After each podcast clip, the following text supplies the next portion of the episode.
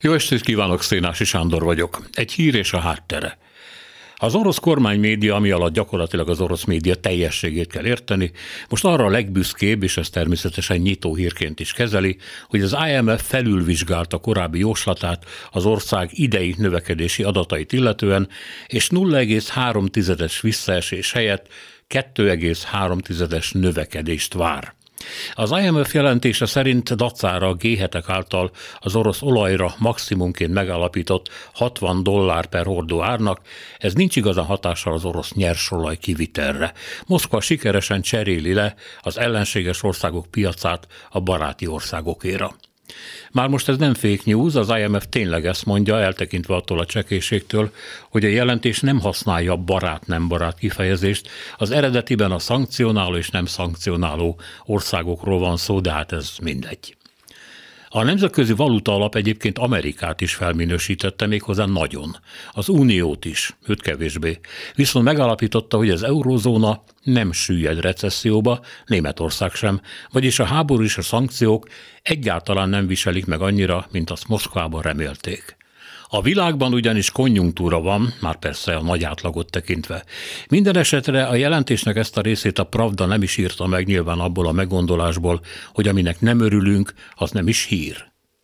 Úgy tűnhet tehát, hogy a Nyugat versus Oroszország reláció döntetlenre áll. A szankciók meg nem működnek, teheti hozzá az, aki ezt szereti mindenből kihallani. Azért csak nézzük meg az IMF jelentés mögöttesét. Részint azért, mert a 2,3%-os növekedés elfedi egész iparágak bezuhanását, kezdve a 79%-kal visszaeső személyautógyártástól a háztartási gépek előállításának 60%-os csökkenésén át az IT-szektor megsemmisüléséig. A szakemberek jó része ugyanis elhagyta már az országot.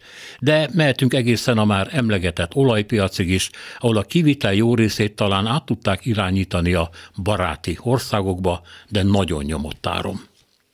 Persze volt, ami nőtt, a fényfeldolgozás, a ruhaipar, stb. a lista rövid, bár ott van rajta a mezőgazdaság is, amit nem sújtanak szankciók, és kiválóan is teljesít, élelmiszerhiány nincs vagyis azért van, ami felfelé módosítja az előrejelzéseket. Másrészt azt se felejtsük el, hogy a növekedésben meghatározó szerepük van a nagy termelő cégeket, például a Gazpromot sújtó giga extra adóknak, amelyekből a kormánynak az áfa mellett hatalmas bevételei vannak, ezekből tudja pörgetni a hadipart, finanszírozni a háborút és életben tartani a szociális rendszereket. Ezt mondja a Bank of Finlandnek, a Finn Nemzeti Banknak az egyik kutatóintézete, amely az emelkedő gazdaságokkal foglalkozik. De a Világbank, a Gazdaság Együttműködés és Fejlesztési Szervezet, az OECD, sőt maga a Valuta Alap is azt mondja, hogy 2022-ben az orosz gazdaság 2,2%-kal zsugorodott. Idén jöhetnek jobb számok, de a gazdaságra öntött kormánypénz szuperadó lévén nem jelent financiális töbletet, csak átcsoportosítást, jó részt a növekvő hadi és nem a polgári iparra. Kérdés, milyen hely az, ahol a gazdaságot a tankgyártás fűti?